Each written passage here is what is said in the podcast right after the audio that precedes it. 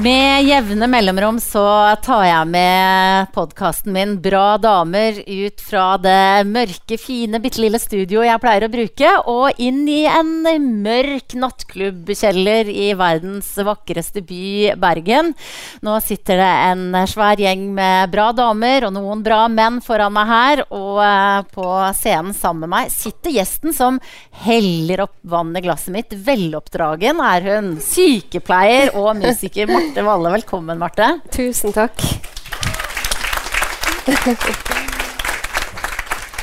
Og observante eh, følgere av denne podkasten vil kanskje merke seg at Marte har vært gjest hos meg før.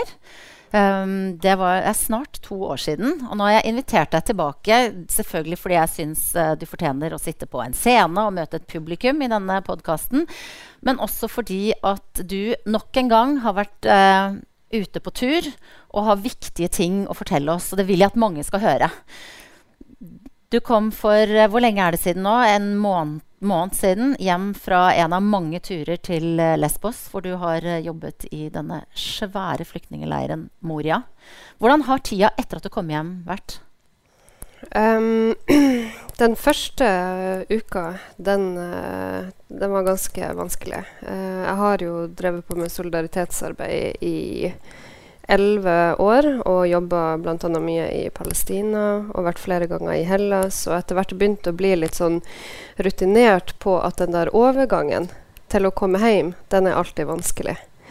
Men denne gangen så, så måtte jeg ha hjelp fra en uh, psykolog til å eh, klare å omstille meg, fordi at vi var blitt rista så hardt. Eh, og det var så um, Det var så brutalt å jobbe inne i Moria.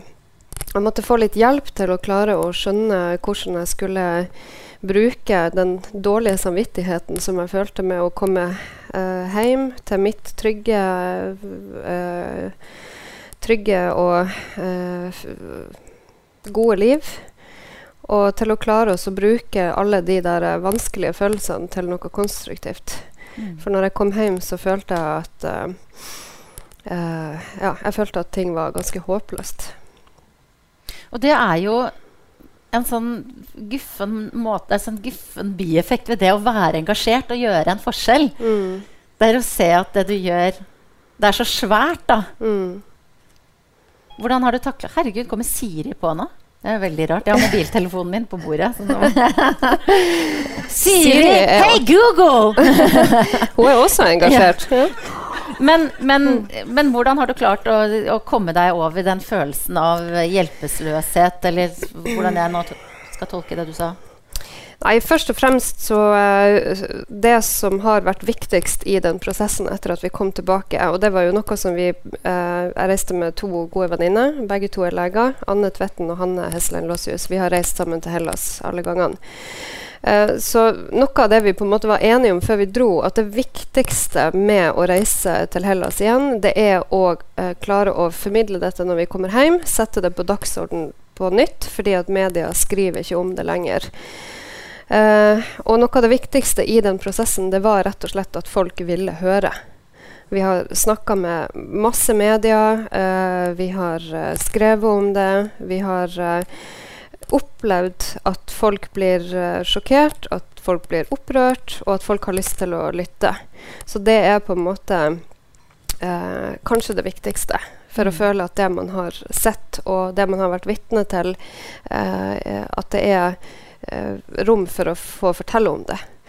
Og så uh, sa han eh, psykologen som jeg snakka med, han, han uh, var veldig opptatt av Som forteller meg at jeg må bruke uh, det som jeg kan.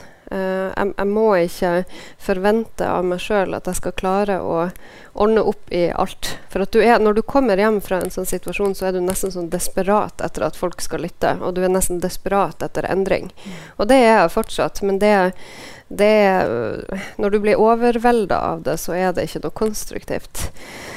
Uh, så han var veldig god på å få meg til å liksom rydde litt opp i det og legge bort den der dårlige samvittigheten uh, og bruke kreftene på det jeg er best på.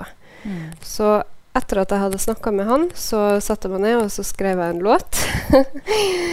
og så eh, sendte jeg mail til eh, alle kjendisene jeg hadde på Facebook, bl.a.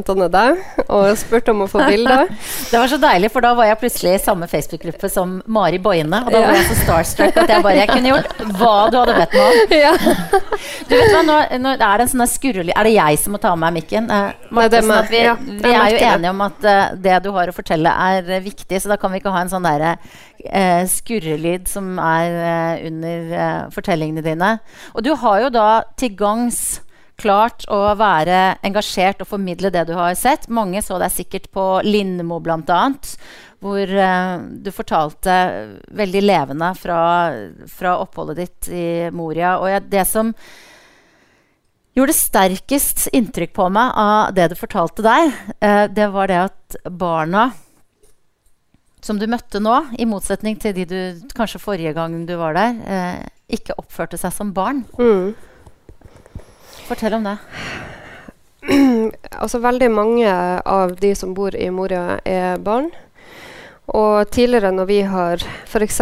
Eh, når vi kom til Hellas første gang i 2015, når den der såkalte flyktningkrisen eksploderte, eh, så, så, var folk så letta eh, over å være i sikkerhet og, og, gå av de der båtene og endelig være fremme i Europa.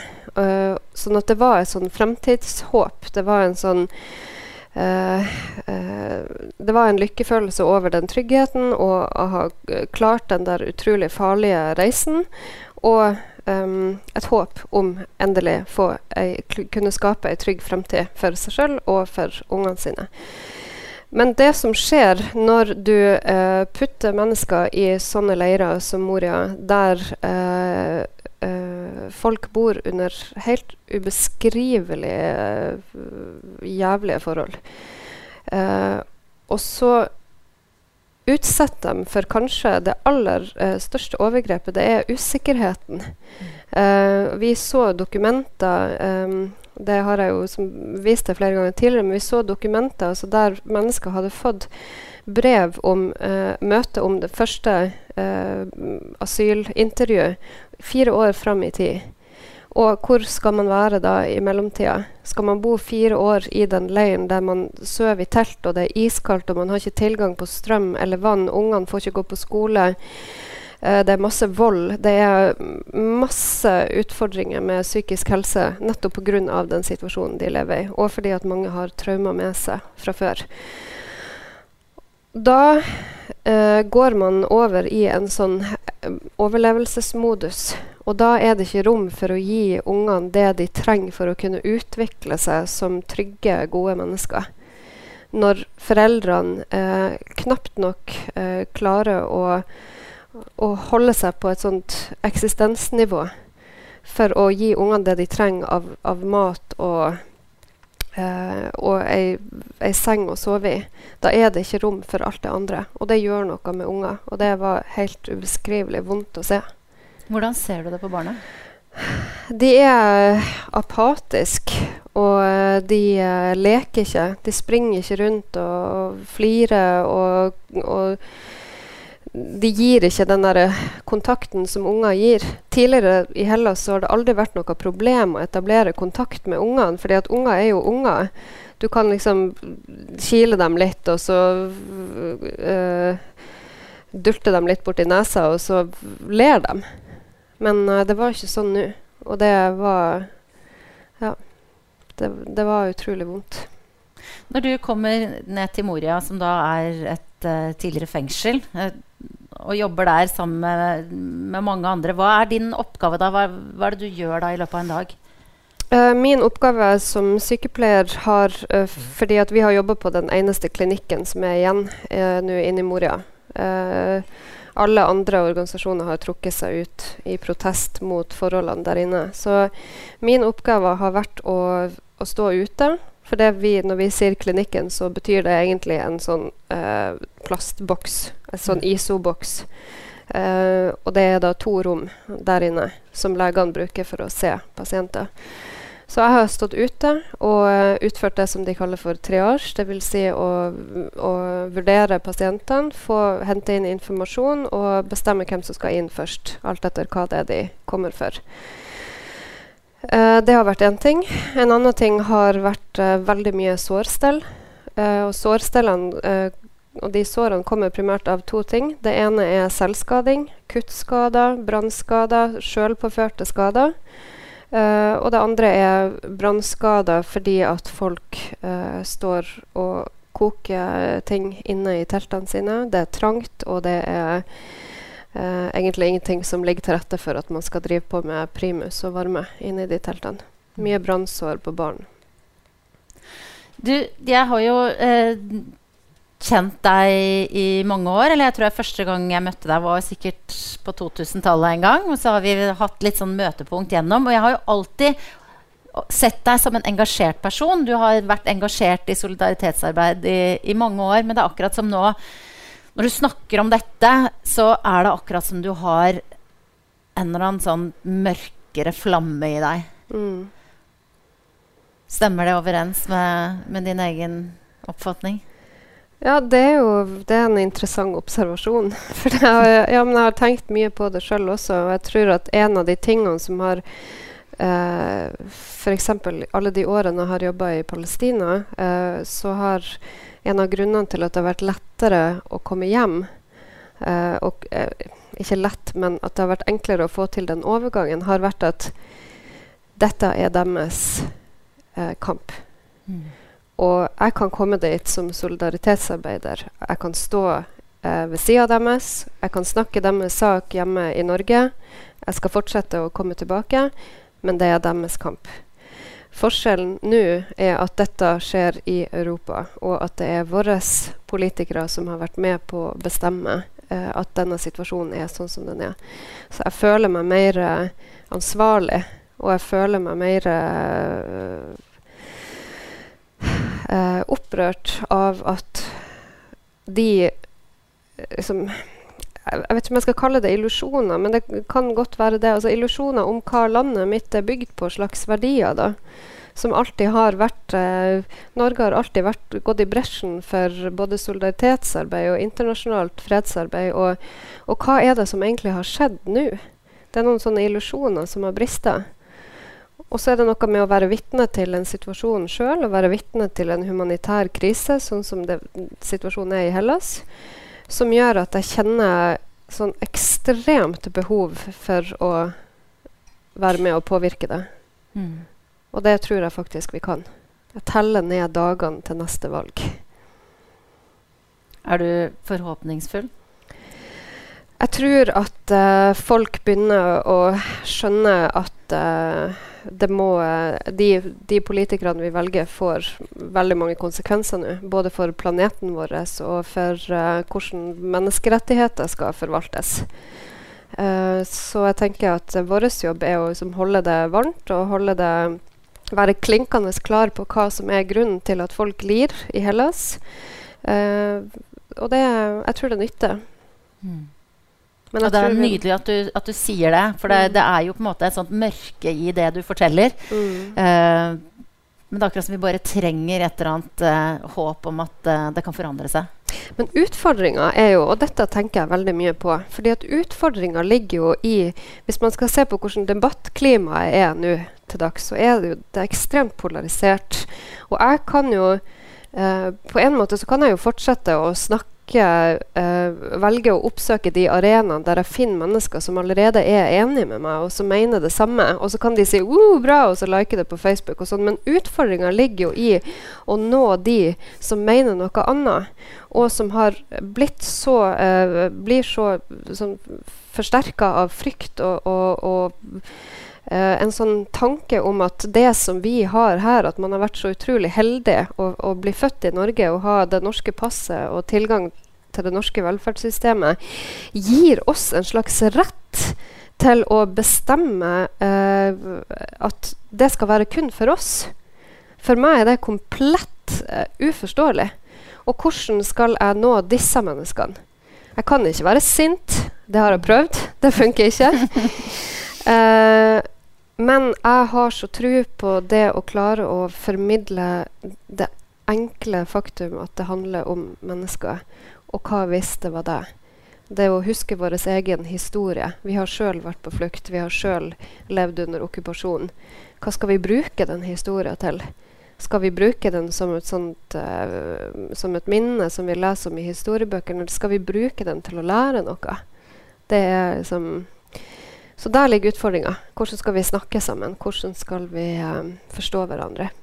Og hvordan skal vi klare å styre uh, grunnverdiene våre i riktig retning?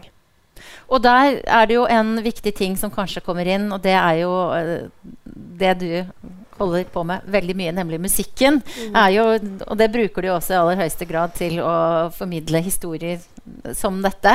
Uh, før så var du bare musiker. Nå er det liksom Vi snakka om det litt i stad. At liksom sykepleier og artist det, det, det, er på en måte Det virker så naturlig for deg. At det er liksom sånn den, den, den naturligste kombinasjonen. Men, eh, men forrige, altså første gang vi møttes, så var du bare musiker. Mm. Um, fortell hvordan du ble begge deler. Det var når jeg ble uh, alenemor og skjønte at uh, det her går ikke. Det går ikke opp. Uh, det å, å, å, skulle klare seg som, uh, som, musiker og artist, så må du, da må du være ute og spille. Uh, og det går ikke når man har en ettåring. Så da tenkte jeg at jeg har lyst til å ha en jobb som jeg kan bruke til å ja, f.eks. reise ut i verden der det er behov for det, der man kan gjøre noe konkret. Uh, og så har jeg kommer fra sånn helsefamilie, så jeg har liksom jobba på sykehus helt siden jeg var gammel nok til å begynne å jobbe. Så da, da ble det sykepleier. Men du, det også som uh, alenemor til en ettåring dra seg gjennom en sykepleierutdannelse som du egentlig ikke hadde tenkt å ta, mm. hvor fant du kreftene og motet til å gjøre det? Um, det er et veldig godt spørsmål. Jeg, har, jeg tror jeg har, uh, er velsigna med en sånn derre mangelen på evnen til å tenke gjennom alle konsekvensene av ting. og det viser seg stadig vekk. Um, jeg har jo ikke familien min her i Bergen. Så jeg hadde jo aldri klart det uten uh, veldig gode venninner. Uh, to av dem er her. uh, og som har stilt opp x antall ganger og vært barnevakter gjennom praksisperioder og ditt og datt. Og Nei, det, um, det var heftig. Det er jo sånn at uh, Du har vært gjest her før. og Jeg har ikke for vane å høre på mine egne podkaster, men jeg hørte gjennom før jeg skulle møte deg i dag, så hørte jeg gjennom den uh, praten vi, vi, hadde for snart to år siden. Og da var det liksom, da var liksom konklusjonen Men nå går det skikkelig bra. Nå. Livet mitt ble ikke sånn jeg hadde planlagt, sa du. Men, mm. Eh, men nå går det ordentlig bra. Mm. Hvordan er status nå, eh, to år etter? to år eldre? Nei, det går, eh, det går, egentlig bra. Jeg, jeg, jeg føler at um, jeg har bygd opp noen sånne grunnsteiner i livet mitt uh, som jeg, jeg, kan stå for. Uh, og uh, jeg er bare kjempespent på hva, hvordan er status om to år fra nå. Fordi at en av, uh, en av stikkordene med livet mitt er tilfeldigheter. Og at ting som skjer, og muligheter som åpner seg, og veier jeg velger, det er liksom ikke sånn at jeg sitter og pønsker ut en strategi. Men uh, jeg har det der um, jeg tror jeg, jeg, mer og mer liksom kjenner på, på, hvor mye mening det gir meg uh, å bruke karrieren min til uh, noe som kanskje kan gjøre verden til et litt bedre sted. Uh, og det snakker jeg om i dette uh, ungdomsprosjektet mitt, da, er hvor, hvor, mye mer bærekraftig mening er enn lykke. Det må du forklare. Jeg tror at lykken jeg, for jeg, jeg har liksom laga et foredrag ut av denne plata som jeg ga ut i fjor. Eh, og jeg gjorde et sånt prosjekt, eh, studie for meg sjøl, der jeg skulle prøve å finne ut av hvor ofte møter vi på det ordet lykke. Mm. Og var inne på Rema på, eh, i Bjørgeveien og skulle se hvor mange av disse magasinene Det er jo synd å si det, men nesten alle er jo dame, damemagasiner. Men hvor mange av de har ordet lykke på forsida? Uh, og der det er liksom Det er opp til deg å gjøre sånn eller sånn eller sånn for at du skal finne den. Det var 13 magasiner, 13 blader, som hadde ordet 'lykke' på forsida på Rema. Og så vet man jo etter hvert som man blir eldre, at du kan ikke holde på den.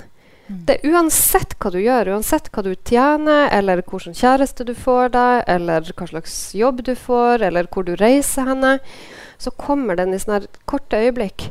Og det er ingenting du kan gjøre for å holde på den. Og hvis det er det som er målet, å liksom gjøre et eller annet for å, liksom, at den skal bli værende, da tror jeg det blir sånt, eh, en sånn evig eh, jakt som, der du aldri kommer fram. Mm. Men mening er noe som er mer bærekraftig fordi at det er valg du kan ta, eh, og som gir deg kanskje ikke de store toppene, men det, det gir deg noe som, som, betyr noe, og som gjør at du føler at det du bruker tida di på, det du investerer i, det du jobber for, det betyr noe mm. for deg sjøl og kanskje for andre. Men jeg tror at det er Jeg foretrekker mening. Dette, det, dette, ungdomsprosjektet som du snakker om, som også er en plate og en forestilling, det er Ro uro. ikke sant? Mm. Som uh, du her i Bergen har et, uh, et, prosjekt som du har hatt sammen med Sanitetskvinnene, som også støtter denne livepodkasten. Um, da er du ute og prater med ungdomsskoleelever. Mm. Um, hva er det du forteller dem? Um, litt av tanken med, med, det prosjektet. fordi at um, plata, det var en tematisk plate som handla om uro. Der jeg liksom mm, prøvde å gå inn i det ordet. Og alle har jo liksom sin egen uro i seg, men hva den kommer ifra, og hva gjør vi med den? og Uh, og så er det jo veldig mange av tallene når det kommer til ungdom og psykisk helse som går i feil retning. Og så snakker man veldig mye om det, uh, men så liksom, fikk jeg en sånn følelse av Snakker vi kanskje om det på litt feil måte? Snakker vi om det på en måte som ikke gjør oss bedre rusta til å takle de ulike aspektene av livet. Så det viktigste med hele dette prosjektet, det er å klare å formidle uh, hva er normalt å forvente av livet? Ja. Av motgang og berg-og-dal-baner og oppturer og nedturer. Uh, for hvis man aldri har opplevd motgang, Uh, og det kjenner jo jeg som forelder òg, at mitt instinkt som mor det er jo liksom bare Hvis at dattera mi står i en vanskelig situasjon, eller det er en konflikt med vennene, eller at hun har en dårlig dag, så er mitt instinkt at jeg skal inn og bare fikse det med en gang. For det er så ubehagelig for meg når hun er lei seg eller sur, eller hva det måtte være. Hvis jeg ikke gir henne verktøy til å stå i det, og til å ordne opp i det sjøl, til å tåle hele spekteret av alle følelser. Eh, og, å, og, hvis jeg ikke gir henne verktøy til å takle motgang og ting som er vanskelig, da får man en helt sånn forvridd forventning til hva livet skal være. Og en av de tingene som rektor sa til meg når vi kom på Kleppestø, at vet du hva, her går alle ungdommene rundt og sier at de har angst og er deprimert. Og um, det er Jeg tenker liksom at det handler litt om dette, da. At hvis man ikke vet hva man skal forvente, uh, så, så, blir det veldig vanskelig når man opplever motgang. Så du gir ungdommene en slags sånn fot i bakken, en realitetsorientering på et vis? Ja, jeg snakker mye om begrepsforståelse. Altså hva er hva? Hva vil det si å leve med en, eh, en, eh, en diagnose, f.eks.? Hva er egentlig angst? Hva er depresjon? Hva er psykose? Alle disse tingene som begrepsforståelse. Uh, og så snakker jeg rett og slett veldig mye om dette, og uh, jeg bruker eksempel fra mitt eget liv. Uh, og mine foreldre og ting som jeg prøver å gjøre annerledes nå som forelder, som vi alle gjør. Um, og, og, rett og slett uh, ha en dialog med dem, da. Uh, for vi har, det prosjektet består av en konsert først, uh, og så er det dialog etterpå. Um, og rett og slett en sånn hva, Hvordan håndterer dere ting som er vanskelig? hva hvordan er det hjemme? Hvordan er det uh, på skolen? Hvordan uh, krav skal man ha til seg sjøl? Hvordan skal man klare å skjerme seg fra ting i sosiale medier? For det er jo en ting som når jeg drev research til det prosjektet her og begynte å følge masse sånne her, uh, influensere, da. Jeg hater det ordet så intenst. Men jeg har prøvd å se hva det er de egentlig formidler, og mange av de slenger jo rundt seg med diagnoser om det ene og det andre, og det er som de har begynt å nesten bli et slags statussymbol å ha en eller annen eh, diagnose. da. Eh, og det tenker jeg er kjempeskummelt, fordi at hvor skal man få eh, hvor skal man få liksom, regulert dette bildet henne? Og eh, hvis at foreldre ikke følger med på hva eh, ungdommene eh, ja, blir eh, møtt med på sosiale medier, hva de mm, ser, eh, hvordan de kommuniserer med hverandre For ekstremt mye av deres kommunikasjon skjer på, på nett. Mm. Og, og, da får man liksom ikke regulert en del av de bildene på hvordan verden er, og hvordan verden skal være. Du sier at du bruker uh, historier fra ditt eget liv når du uh, prater om dette. Hva er det mm. som har gitt deg mest uro? Det er vel sikkert personligheten min, tror jeg. sånn som jeg er som person. Jeg, jeg kommer liksom aldri helt fram.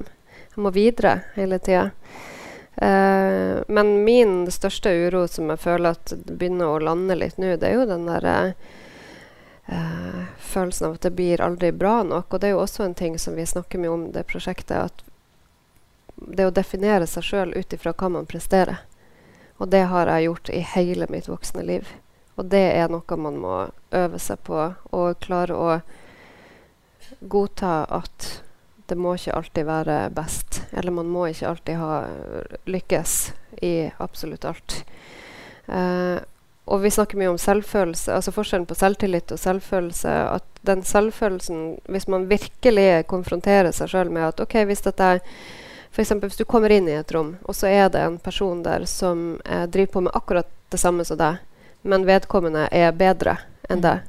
Eh, hva skjer med, med, selvfølelsen din da? At det er en sånn test på om Kjenner man egentlig det? At man er verdt det samme hvis at man ikke alltid presterer på topp?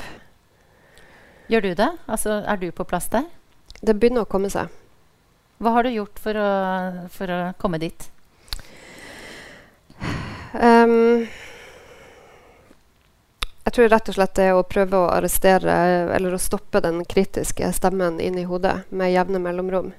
Uh, som handler både om uh, prestasjoner og det man gjør, hvordan man ser ut. Uh, ja, alt man skal være nå til dags for å liksom være et helt menneske.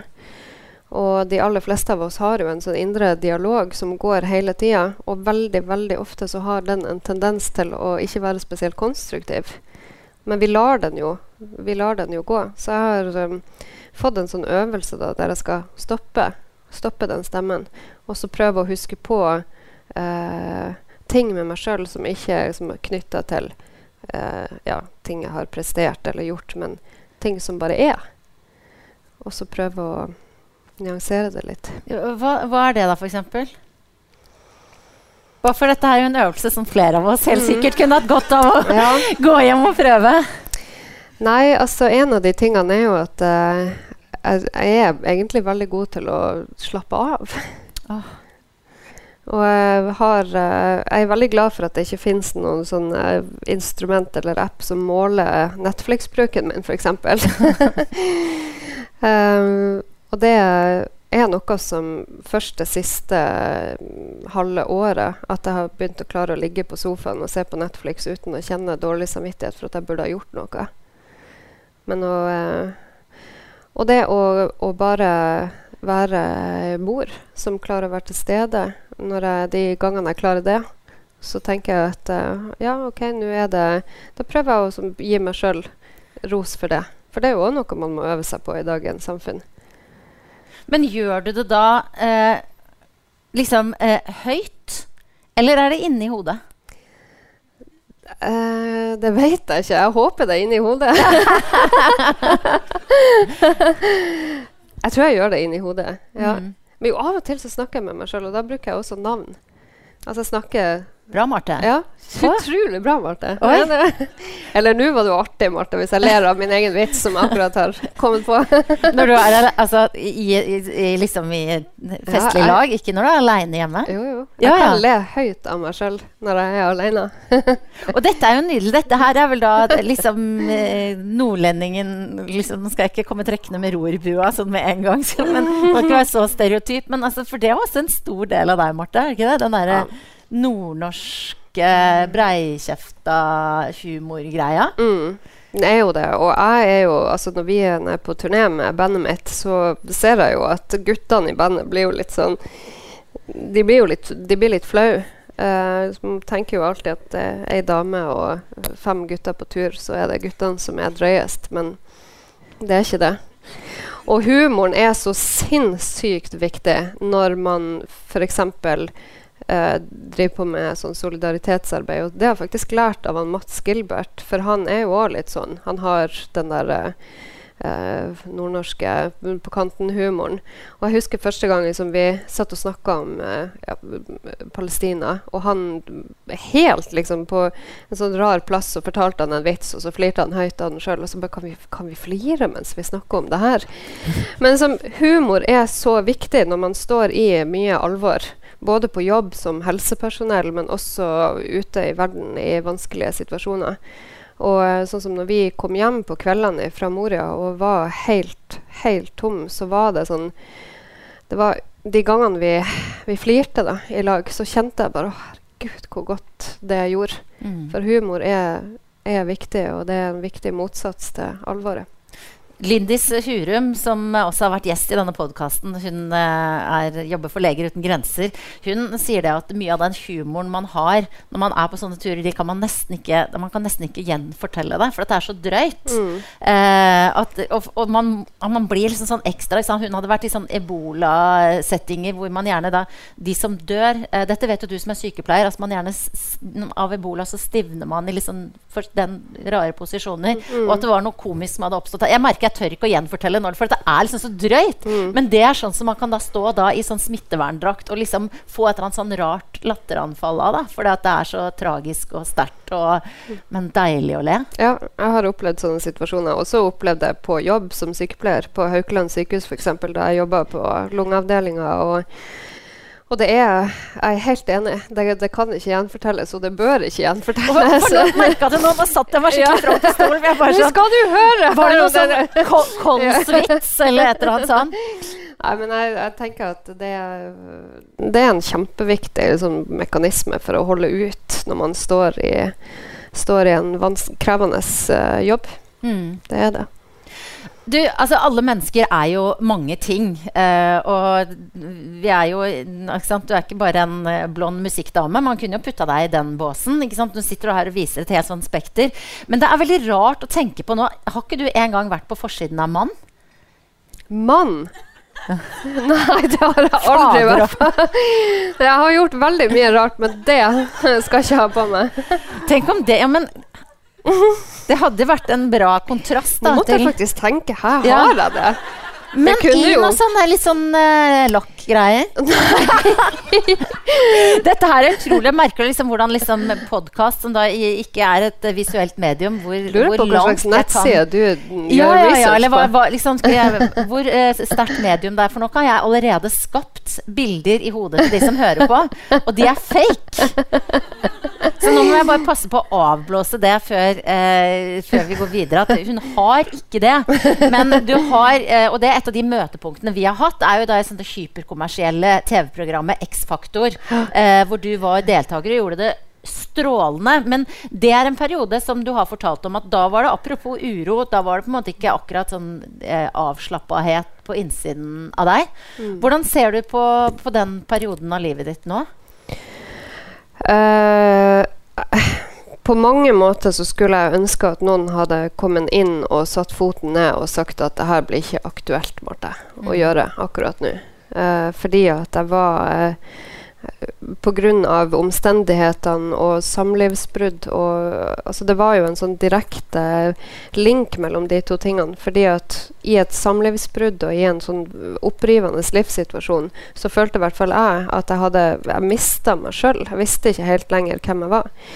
Og um, den var nok ikke ja, Jeg skulle ønske at noen hadde kommet inn og stoppa meg, rett og slett. Uh, men på andre måter så har, var det jo en helt fantastisk opplevelse.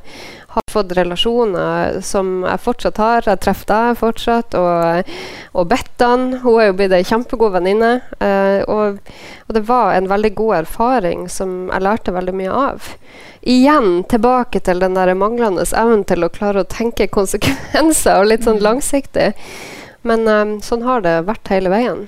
Men det er jo helt fantastisk, da, for det er jo nyttige erfaringer du har uh, fått med deg, som du nå på et eller annet vis klarer å omsette til uh, nydelig arbeid som du gjør på så mange arenaer. Mm. Men har du, mange, har du liksom ting i livet som du måtte angrer på sånn på ordentlig? Nei. Nei. Fordi du ikke driver med angring? Jo, jo. Det gjør jeg jo. det gjør jeg. Men eh, jeg, har, jeg, angrer jo hele Jeg angrer jo annenhver gang jeg har åpna kjeften. Det er jo Men eh, sånn, nei, jeg har ingenting som har satt seg som sånn Dette skulle ha vært ugjort. Jeg tror egentlig ikke at uh, det er spesielt nyttig. Nei, det er jeg helt enig med deg i. Uh, ja. Jeg tror ikke man uh, får gjort så mye med det man har gjort. Uh, veldig mye handler jo om hva man velger å bruke den erfaringa til. Mm. Og etter at jeg har begynt å kombinere som det å holde foredrag og spille musikk, så bruker jo jeg denne X-faktor-historia på en sånn måte at folk syns at det er morsomt. Uh, og da føler jeg at jeg har tatt litt makta over det som skjedde. Da har jeg tatt liksom Eh, da har jeg gitt den Marte som sto i 2010 og var eh, et følelsesmessig eh, vrak, så har jeg gått til den Marte og så bare gitt henne en klem og sagt at det er greit. Eh, og så har jeg brukt det til noe som er mitt. Det er mitt eget. Det er en forbilledlig måte å behandle sin egen historie på. Mm. Det kan vi alle lære noe av, Marte. Du, jeg har bedt deg om å ta med noe eh, som forteller noe om hvem du er. Mm. Um, og nå skal jeg slutte å referere til forrige gang vi prata, men da, altså, da, da, tok Marte med en sånn mindfulness fargeleggingsbok for nordlendinger, hvor man kunne liksom sitte sånn og drodle inn i sånn hestkuk og fettpeis og sånn. Uh, så jeg vet at det er ikke det du har tatt med i dag. Er det noe som ligner? Uh, nei, nei, det er det ikke. Um, jeg var veldig sånn, usikker på hva jeg skulle ta med, og hadde veldig lyst til å finne noe som var morsomt. Uh, jeg var også inne i sånn voksenskuffa på soverommet for å se om det var noe der. Hæ, har kunne... du en voksenskuff på soverommet? Har ikke du det? Nei. Har du ikke? Alle må jo ha en voksenskuff. Har dere voksenskuff på soverommet? Alle bare Nei, det har vi ikke. Ja, ser nok. Ser nok. Nei, men så fant jeg ut at den tingen som definerer meg aller mest i alle mulige sammenhenger og situasjoner, det er jo det å være mor. Og uansett hvor jeg er henne i verden, eller hva jeg driver på med, så er det alltid en sånn um, det er alltid en sånn eh, Det er på en måte det kjernepunktet, da. Hvis at jeg ikke føler at jeg er nok til stede, eller hvis det og det og det tar for mye tid eller krefter bort fra relasjonen til dattera mi, så må jeg gjøre noe med det. Og det må jeg hele tida justere på. Så jeg har tatt med da uh, vi har sånn kallenavn hjemme, for dattera mi er jo datter av en basketballspiller og er veldig lang og høy, så jeg kaller henne for Pipen. Oh, ja. For det er jo en sånn pipstilk. Det er jo nordnorsk. Folk som er lang og tynn, de er pipstilker. Hun kaller meg mutter'n, og her står det da til mutter'n fra Pipen. Oh, med et hjerte. ja, og, og der står det da vi har hatt en sånn ting siden hun var liten. For hun, alle unger kommer i en periode hvor de ikke vil sitte på fanget lenger. Og da fant, uh, fant, vi på det som vi kaller for koseposen. Vi kan si at nå er det tomt i koseposen, så må jeg ha påfyll. Ja. Og det har hun tatt veldig på alvor. Så der har hun tegna koseposen til mutter'n fra pipen. Det er det som definerer meg best, tror jeg. Hva er det du uh, håper på for datteren din? Minst mulig følelse av utilstrekkelighet og skam jeg har brukt hele mitt voksne liv eh, på å tørre å ta plass. Og tørre å være hele meg. Og ikke alltid gå med en sånn følelse at oi, tok jeg for mye plass nå? Sa jeg for mye? Var jeg for høylytt? Eller mente jeg for mye? Altså, den eh, skal hun ikke ha. Det er mitt mål. Mm. For det er, det er slitsomt. Og uh, sånn følelse av å skulle forminske seg sjøl eller kjenne på skam for at man tar for mye plass, eller er sånn som man er. Um, det hindrer mennesker fra å være alt det de kan være. Har det hindra deg mye? Jeg vet ikke om det har hindra meg så mye, for jeg har alltid gjort det jeg ville gjøre likevel. Uh, men det har tatt for mye krefter og tatt for mye energi. For mye tankevirksomhet. Man skal ikke behøve å, å unnskylde seg for den man er. Og så lever vi også i en tid der rommet for hva som er normalt, er, blir trangere og trangere. Og det ser jeg jo også på, på skolen til, til dattera mi. Det begynner så innmari tidlig. Hvor det å være annerledes eller å skille seg litt ut uh, er noe som uh, er sosialt vanskelig. Hvordan gir du henne styrke til å stå imot det? Jeg prøver å vise henne at uh, jeg er stolt av henne i alt hun gjør, og når hun tør å følge sine innskytelser om alle mulige slags påfunn og tanker, og så prøver jeg å være interessert. Og så um, uh, Rett og slett å, å være til stede. Mm. Det er en sånn ting man lover seg sjøl hele tida, sånn, for det er så utfordrende i vår tid, og det vet jo du med en sånn jobb og sånn at det er så mye man, man, har. Man er ikke på jobb fra åtte til tre, man er på jobb hele tida. Og det er alltid noe man kan gjøre mer, eller selv om man er hjemme. Terskelen for å begynne å skrive mail og sånn eh, på ettermiddagen, den er veldig lav.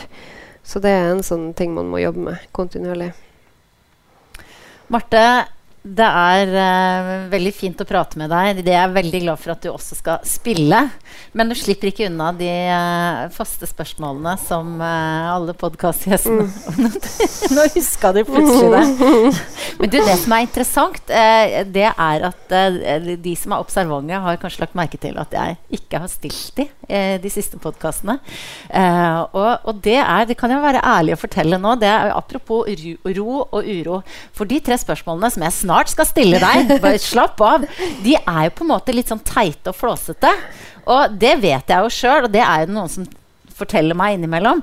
Så når jeg har vært litt sånn i urofasen, da, og kanskje ikke har hatt, liksom, vært helt sånn på hygget sånn på selvtilliten, da har jeg droppa å stille spørsmålene. For jeg har tenkt Let's not go there today. Men nå, Marte, dette skal du ta som et kompliment. Nå er jeg rolig og avslappet foran deg. jo, men altså, det satte meg jo helt ut at ingen her har ei voksenskuffe. altså, det Eller altså, hevde at de ikke har det. Da. Det er jo litt sånn eh, Du kan jo ikke gå på de spørsmålene rett etter alle er helt sjokkert over det. Nei, men det er kanskje de trenger å bli røska opp litt. Vi får varme opp litt sånn forsiktig. Du vet, jeg spør alltid først, så er det hva spiste du til frokost i dag? Uh,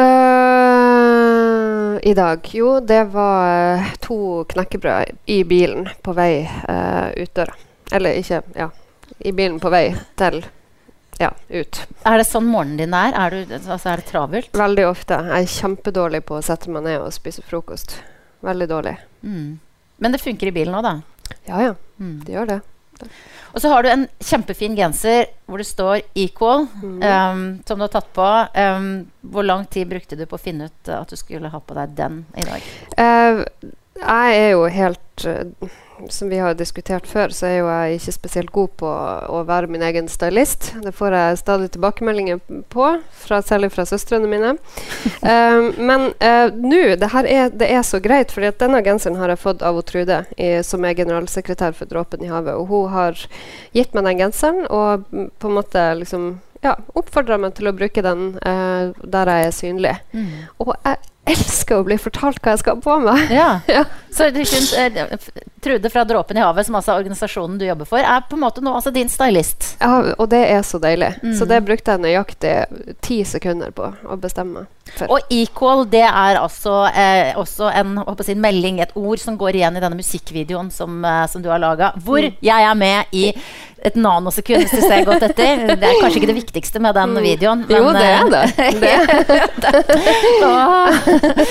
men uh, fin genser, i hvert fall. Ja, og nå kommer det, Marte. Når hadde du sex sist? Ja, altså jeg er jo i et avstandsforhold, så mm. det er jo det er intet nytt under kjolen, som vi sier. Nå var du artig, Marte. Prøv å gi deg nå. Nei da, det, det, går altfor lenge mellom hver gang, så nå er det vel en og en halv måned siden. For kjæresten din bor rett og slett i Bodø. Mm. Hvor ofte får du sett han? Prøver å få sett hverandre en gang i måneden. Men vi Mm. har jo barn i, i hver vår by, så det er jo ikke alltid så lett. Når får du sett han neste gang, da? I kveld. Nei, er det Jo, sant? Ja. Ja!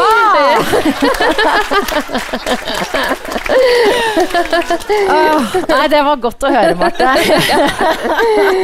da kan voksenskuffen Skål for det. Skål for det.